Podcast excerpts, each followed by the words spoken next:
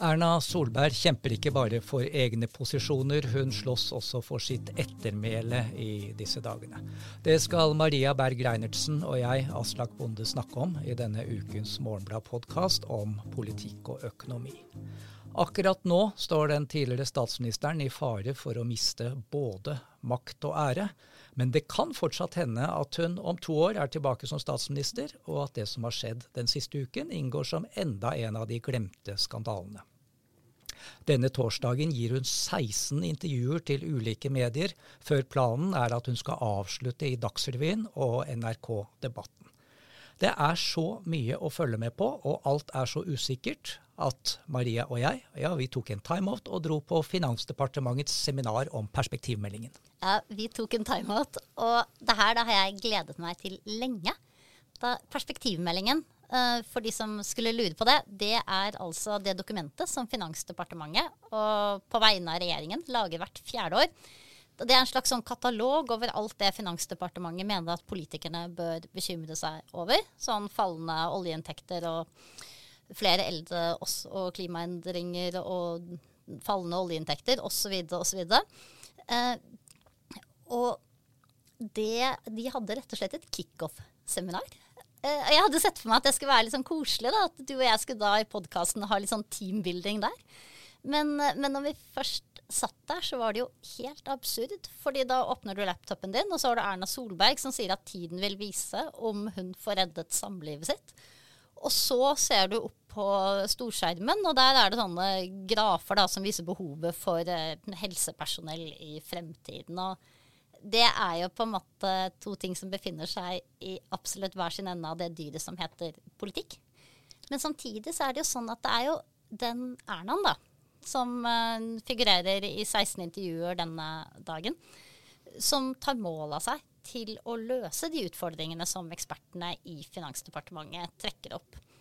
Og derfor er det viktig å spørre, da, tenker jeg, tenker du, tenker vi, uh, egner hun seg til det? Og for å svare på det, så skal vi se på fortiden. Nettopp. Fordi det er jo akkurat nå så tenker vi at hennes ettermæle står og faller fullstendig med det som skjer akkurat i disse dagene. Men eh, man glemmer jo lett at hun har vært statsminister i åtte år. Den lengstsittende Høyre-statsministeren i moderne tid. Den som har eh, klart å samle borgerlig blokk. Det, det, er jo et særsyn i moderne norsk politikk. Og det er faktisk mulig å på en måte la det som skjer nå ligge lite grann, og så se på det ettermælet hun allerede har skapt seg som statsminister hvor brakte hun landet? Hvor sto vi egentlig da hun hadde styrt landet i åtte år? Mm -hmm. Og da er jo egentlig ikke perspektivmeldingen, eller faktisk den forrige perspektivmeldingen, et så dårlig sted å starte? Det er et perfekt bakteppe. Du har kalt det på en måte den, den meldingen som kommer hvert fjerde år, hvor politikerne blir bedt om å vise mot. Og så på en måte så kan vi nå bare gå tilbake, og så kan vi se ja, klarte Erna Solberg å vise mot. Klarte hun det. Eh, det eh, vi, hva, hva, slags mot er det politikerne vil vi skal vite, vise perspektiv, eller Finansdepartementet da, vil vi skal vise perspektivmeldingen? Jo, det er jo mot i møte med liksom, langsiktige utfordringer. ikke sant? At eh, det blir um, mindre oljeinntekter etter hvert, at det blir flere eldre, at vi får en vekst, vi får en økt etterspørsel etter helsetjenester. Uh, klimaomstillingene har også kommet inn uh, som et eget kapittel i perspektivmeldingene i mange år. Og kanskje først og fremst det her, i tillegg til det, det er behov for arbeidskraft. Uh, det, den trenger å holde befolkningen i jobb. Den trenger kanskje å få folk til å jobbe mer, faktisk, hvis ikke statsfinansene, som er liksom perspektivmeldingens mål da, på om ting går bra eller dårlig her i landet, skal gå åt skogen. Uh, det var, hva skal vi si om uh, Erna Solbergs åtte år i, i lys av, av, dette? Det første som slår oss, er at hun har brukt veldig mye oljepenger. Å ja da. Du har tallene, har du ikke det? Jeg har tallene. Hvis vi går litt lenger tilbake, da, til, til 2007. Da var uh, fem Da dekket oljepenger 5% liksom. Altså 50 øre av hver tier på statsbudsjettet var liksom en oljekrone. Nå vet jeg, jeg er ikke helt sikker på om 50-åringer fins lenger, men det er i hvert fall ikke nødvendig. Da, for i dag så er det sånn at uh, hver femte krone på statsbudsjettet er en oljekrone. Ikke sant? Fra 5 til 20 i løpet av denne perioden. Og vi så grafer på seminaret i dag som går rett til værs. ikke sant? Altså, Erna Solbergs regjering har brukt, de har fulgt handlingsregelen, de har gjort sånn som det er nedfelt stort sett i de politiske retningslinjene. Men vi er blitt mye mer avhengig av de pengene vi får fra oljefondet mm. hvert år. Mm. Så Godnyheten er jo at vi har fått et stadig større oljefond. ikke sant? Og den dårlige nyheten som vi ble minnet om flere ganger på seminaret i dag, det er jo det at uh, der er det liksom, det er oljefondet eller verden, da, egentlig. Uh, hvis vi skal ha sjans til å begrense den globale oppvarmingen til noe som er sånn rimelig greit å, å leve med, så må oljeproduksjon og fremtidige oljeinntekter ned også i, i Norge. Og, og, da er spørsmålet hva, hva, gjør vi da? Så er det et annet element her som også eh, er interessant, og som Gunnar Bovim eh, snakket om. Han har ledet Helsepersonellkommisjonen. Og det, hans påstand er jo det at vi kommer til å gå tom for folk egentlig før vi går tom for eh, oljepenger. Ja, der har jo jeg en kjepphest. At, uh, Ut av de. uh, ja, fordi uh, det er veldig interessant. Jeg har fulgt Perspektivmeldingen heter jo langtidsmeldinger mm. før, og, og, jeg har fulgt det i en 20-30 år. Og hver eneste nye sånn melding så kom, tas det noen grep for å disiplinere politikerne. De lager et eller annet regnskap om at vi kommer til å gå om, i hundene om 20 år mm. frem i tid hvis vi ikke begynner å spare nå. Altså, de finner alltid noen nye grep. Det nye grepet som Støre-regjeringen har kommet med nå, det er å si at nå må vi ikke se på penger, nå må vi se på hvor mye mennesker vi har til rådighet. ikke sant? Ola Borten Moe var den første som sa det, at vi går tom for mennesker før vi går tom for penger i dette landet. Og, og det, det er et veldig interessant perspektiv, og der har vel ikke Erna Solbergs regjering gjort noe spesielt, men jeg er litt usikker. Altså for Erna har snakket en del om inkludering osv. Og, så og nå er det en litt større andel av folk som er i arbeidslivet. Eh, det kom egentlig etter Erna, men jeg lurer på om det som ble gjort i Solberg-regjeringen hadde litt betydning for at det nå skjer. Ja, altså hun prøvde seg jo det første året, det første statsbudsjettet som de la frem som de hadde laga helt selv, så prøvde hun seg jo på å gjøre På, på liksom den, den, klassiske kjipe samfunnsøkonommåten å få flere i arbeidsliv på, nemlig ved å kutte i trygdene. Bl.a. i, i bidraget til um, stønaden, ekstrastønaden for barn til trygdede. Uh, det gikk jo ikke så bra. Hun fikk masse kritikk for det. Kanskje fordi hun samkjørte det her kuttet med noen lettelser i formuesskatten, var det vel. Eh, så, og så tenker jeg at etter det så ble det vel ganske stille. Det var vel en innstramning i eh, arbeidsavklaringspenger. Dette her er det som mm. er så ja, deprimerende når vi skal prøve å vurdere ja, i hvilken grad spilte det en rolle at det var Erna Solberg som var statsminister. Fordi det er slående likheter mellom Erna Solbergs første år i regjering og Jonas Gahr Støres første år i regjering. Begge to, altså det kuttet du snakket om, det kom i budsjettet 2014. Det første hele statsbudsjettet Solberg-regjeringen lagde. Da var de ganske tøffe. De nedsatte i starten av 2014 en produktivitetskommisjon. En, en, kommisjon som virkelig skulle kaste om på hvordan norsk økonomi virket, og svare på alle de utfordringene som kom i perspektivmeldingen, og som kom fra alle samfunnsøkonomene. Og så endte det ut i ingenting. Og så har vi Støre-regjeringen nå, som i fjor var supertøff som snakket om at nå må vi stanse offentlige bygge- og anleggsprosjekter, vi må stramme inn, vi må øke skattene, og de nedsatte diverse kommisjoner. Og så ser vi nå, statsbudsjettet er jo ikke kommet ennå, men alt tyder på, når vi ser lekkasjene, ser hva som skjedde i vår med revidert mm. nasjonalbudsjett, så virker det som om også denne regjeringen gir litt opp denne ansvarligheten. Og da sitter vi her da, og så tenker vi at nå skal vi si noe om Erna Solbergs dyktighet som politisk leder av landet. Og så er det en sånn liten følelse av at det spiller ingen rolle om det hadde vært henne eller hvem som helst andre av styringspartiene som hadde styrt. Ja, men hvis vi stoler på Erna, da. Eh, og det har vi jo lært den uka, at det, det bør vi. For det er jo ikke Erna som forleder oss, det er jo Erna som er forleda av ektemannen sin, har hun forklart oss. Uh, og så er jo det uh, Høyres liksom, sterkeste kort nå etter at de altså Både i valgkampen, egentlig, og, og etter at de forlot uh, regjeringskontorene, det er jo det at, uh, at, vi kan styring. Styring, styring. Ikke sant? Og det, det gir jo ikke helt uh, altså Selv sett fra et sånt rent sånn samfunnsøkonomperspektiv, hvor du snakker om hvor mange folk som er i arbeid, ikke, så er ikke det helt sånn dumt å tenke. Da, for en av de sånn klareste determinantene du finner på om det er lett å få liksom, folk i utkanten av arbeidsmarkedet i, i, jobb eller ikke, da, det er jo om konjunkturene er gode. Om arbeidsmarkedet er godt der hvor de, der hvor de bor. Uh, og Sånn sett kan du jo si da at ja, en ting var at hun kanskje ikke lyktes i å stramme inn uh, så mye i, de her, i uh, trygdeordningene, men det at hun holdt arbeidsledigheten såpass liksom, la, lav da, gjennom hele koronakrisen, holdt næringslivet i gang. Uh, kjørte på med støtteordninger. Uh, kanskje mer enn mange økonomer likte. Da. Det, det gjorde jo det at man unngikk den der kraftige nedturen, hvor vi erfaringsmessig vet at da forsvinner folk ut av arbeidslivet. Mm. Men altså, det gjør en jo ikke akkurat en Høyre-politiker, da. Nei, eh, vi skal komme, vi skal komme litt til hvor liksom. lite ideologisk hun har vært. Men, mm. men altså, jeg, jeg, vil jo på en måte Vi har jo sett på sektor for sektor på sektor. Og det er klart at jeg tror kanskje det er to områder hvor det var en klar forskjell på uh, den regjeringen hun mm. styrte, og en, et alternativ som ville vært noe Arbeiderpartiledet. Og det ene er skatter. Uh, hun reduserte ikke så veldig mye skatt, men hun, eh, hun reduserte skattegrunnlaget. Altså hun gjorde, eh, hun gjorde, sånn at vi fikk færre skatteobjekter, og eh, reduserte eiendomsskatt-toppnivået i kommunene en liten del. Og så lot hun være å innføre grunnrenteskatt på havbruk. Det har betydning.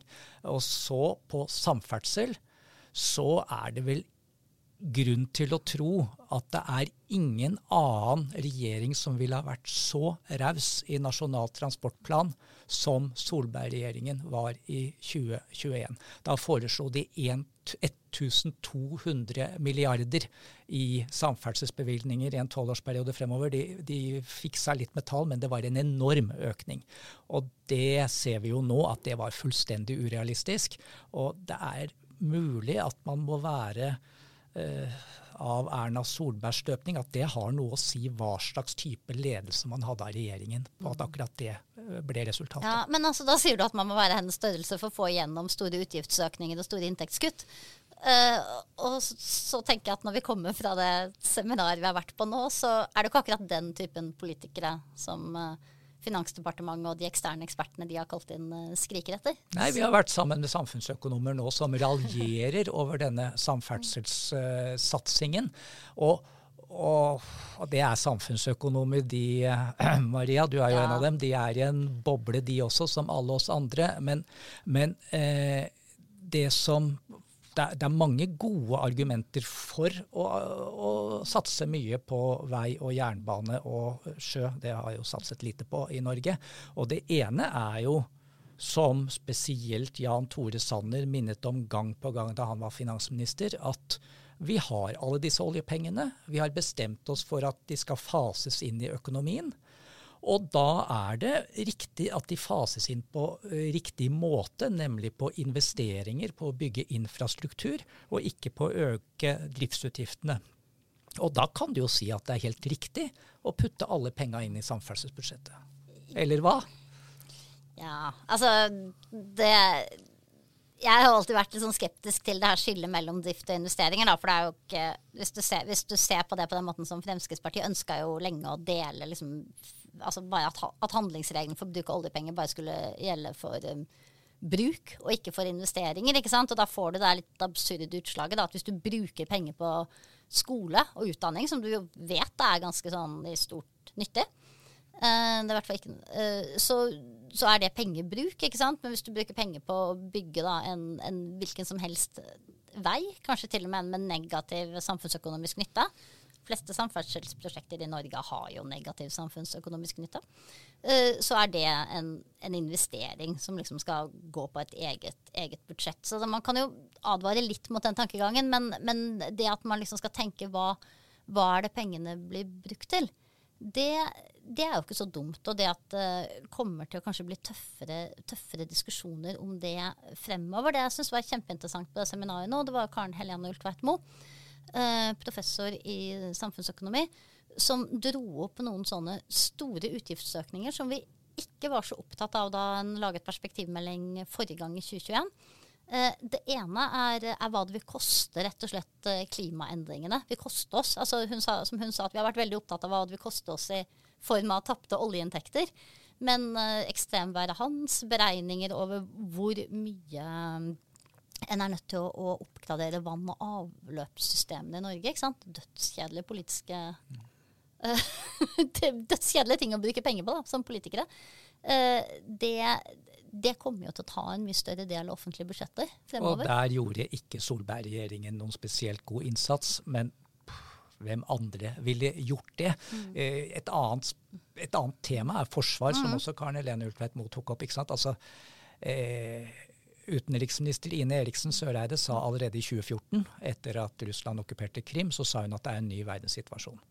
Eh, det var åpenbart at vi måtte ruste opp det norske forsvaret. Men fortsatt, i 2021, så sto jo det norske forsvaret helt uten ammunisjon til en del av våpnene sine.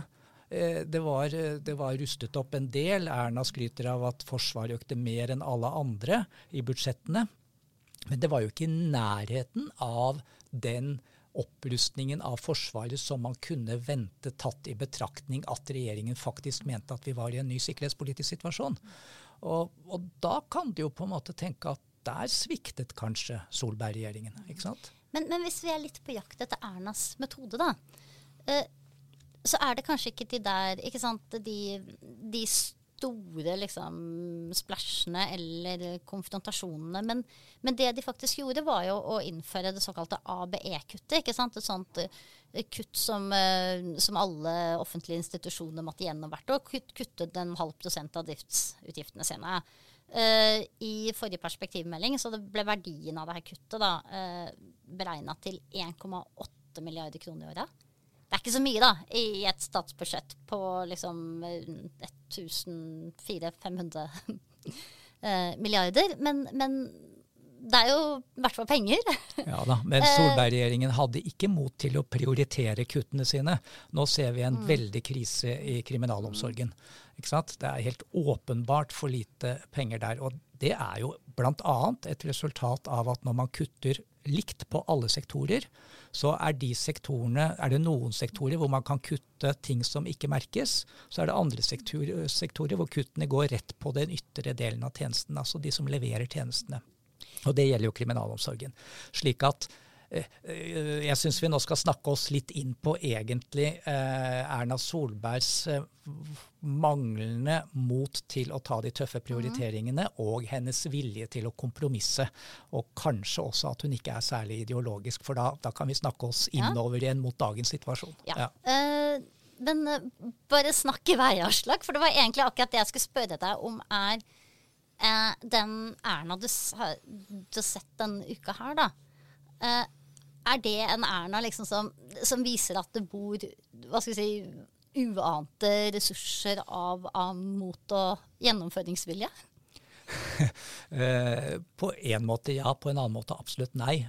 Noe av det som har slått meg aller mest, det er at uh, Erna Solberg i nesten alle sine åtte år som statsminister, så erta hun oss politiske journalistene med at vi hadde jo spådd at dette aldri skulle gå.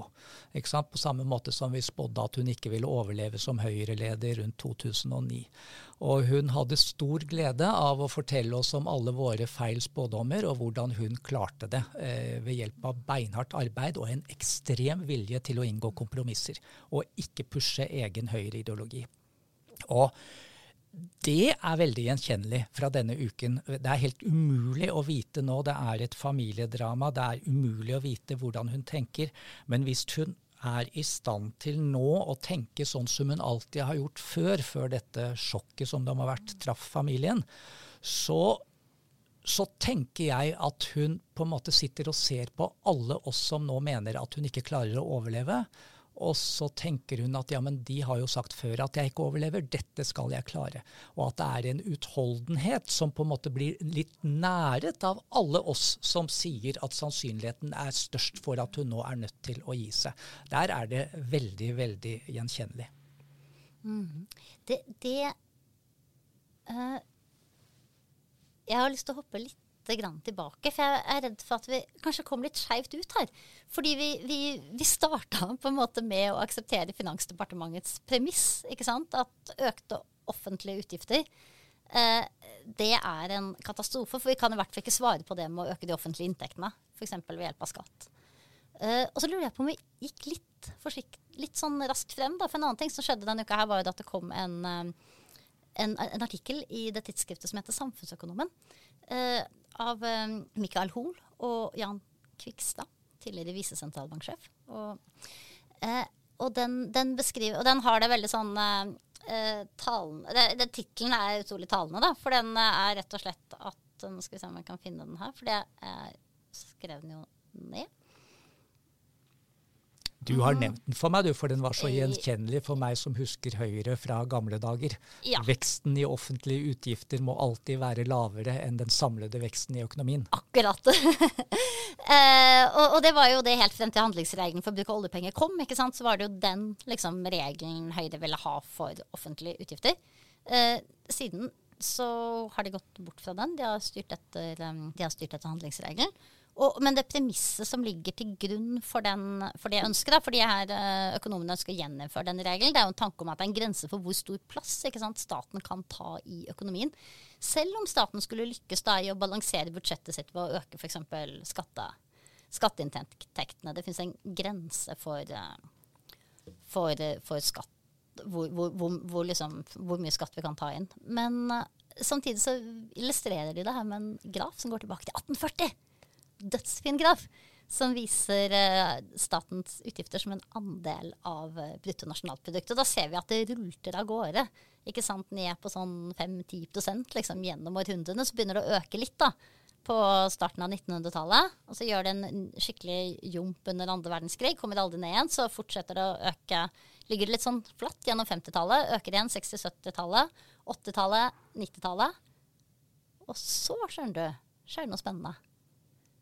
For så faller faktisk statens utgifter som en andel av BNP i ganske mange år. Men statens inntekter øker. Og det er gapet, da. Så finner vi jo sparingen i oljefondet. Og så tenker jeg at inni her så ligger det jo kanskje noe da, om at norske politikere tross alt liksom har litt mer litt mer selvdisiplin og, og, litt større evne til å møte liksom, de utfordringene vi står overfor, og tenke langsiktig enn det vi gi, og Finansdepartementet gir dem kreditt for.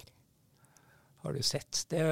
Så du vil altså gi også Erna Solberg på en måte god karakter, da? Terningkast driver ikke vi med, men ikke sant? De, Nei, vi gjør ikke det, da. Uh, det er jo ja. først og fremst på 90-tallet uh, og, og, tidlig, tidlig 00-tall den sparingen her slår til. Da. Så kan du si de siste årene så har jo utgiftene jo, men samtidig igjen, men, altså, vi men det politiske med, Norge, liksom. Hun har vært en del av det. Ja. Og vi snakker med folk i pausen mm. på disse seminarene også, og det var jo en byråkrat som sa til meg tenk så ille det kunne ha gått. Og ille for ham, det var jo selvfølgelig mer bruk av oljepenger.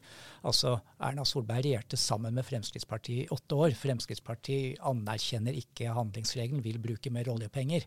Og likevel så klarte hun å holde igjen. Så det skal vi absolutt gi henne. Eh, men det som jeg er opptatt av, det er jo på en måte at, at hun har ved å avideologisere politikken, ved å være så opptatt av kompromisser, så har hun jo også gjort forskjellene mellom Arbeiderpartiet og Høyre mindre tydelige. Og det kan hende at det er noe som bør trekkes inn i den diskusjonen som kommer for mm. fullt i disse dagene om tillit. ikke sant? Om tillitssamfunnet. Fordi én ting er å ha tillit til politikere i sin alminnelighet, men like viktig er det at altså, Og det, det, er viktig, men det er også viktig at folk flest føler at det betyr noe at de politikerne er der. At det spiller en rolle. Og hvis det ikke spiller en rolle, på en måte, hvis de er så like, de, man kan like gjerne få den ene som den andre, så vil betydningen av det generelle tillitsfallet være mye, mye større. Ja, og jeg kan ikke være mer enig med deg, da. fordi at her kommer jo også hele den diskusjonen om prioriteringer inn. ikke sant? Det er, eh, man kan jo tenke seg at hvis man skal prioritere mer, hvis man må prioritere mellom opprustning i forsvar eller um, lavere skatt f.eks. mellom klimaomstilling og økning av standarden i helsevesen osv., så, videre, så så blir, er, blir, ikke dette bare rent sånn empiriske spørsmål om hva som er mest effektivt. Det blir også noen uh, verdispørsmål her som man etter hvert ikke, ikke kommer unna. Da. Og mm. det har kanskje vært en tendens i, i politikken på, hos begge de største partiene i Norge de siste sånn, tiårene til at de har gjort det som egentlig er ideologiske spørsmål til litt sånn effektivitetsspørsmål. ikke sant? Arbeiderpartiet sier at jo, men bruke penger på, på alle. ikke sant? Alle skal med, bra, for det øker den økonomiske veksten. Høyre sier at ja, når vi, vi sier, når, når vi kutter, så kutter vi det som er unødvendig, og øker effektiviteten. Uh, og så er det liksom ingen som helt liksom står for verdidimensjonen i de kuttene de gjør, da. Mm. Det der slutter jeg meg helt til. Og så tror jeg vi bare skal nøye oss med å minne om at det i papiravisen denne uken er mange både reportasjer og kommentarer om tillitssamfunnet, og i tilknytning også til eh, Erna Solbergs pågående kamp. Og så takker vi produsenten Emma Rødle Johnsen og ansvarlig redaktør Sunn Heidi Sebø. Og så gleder vi oss til neste uke og en ny podkast.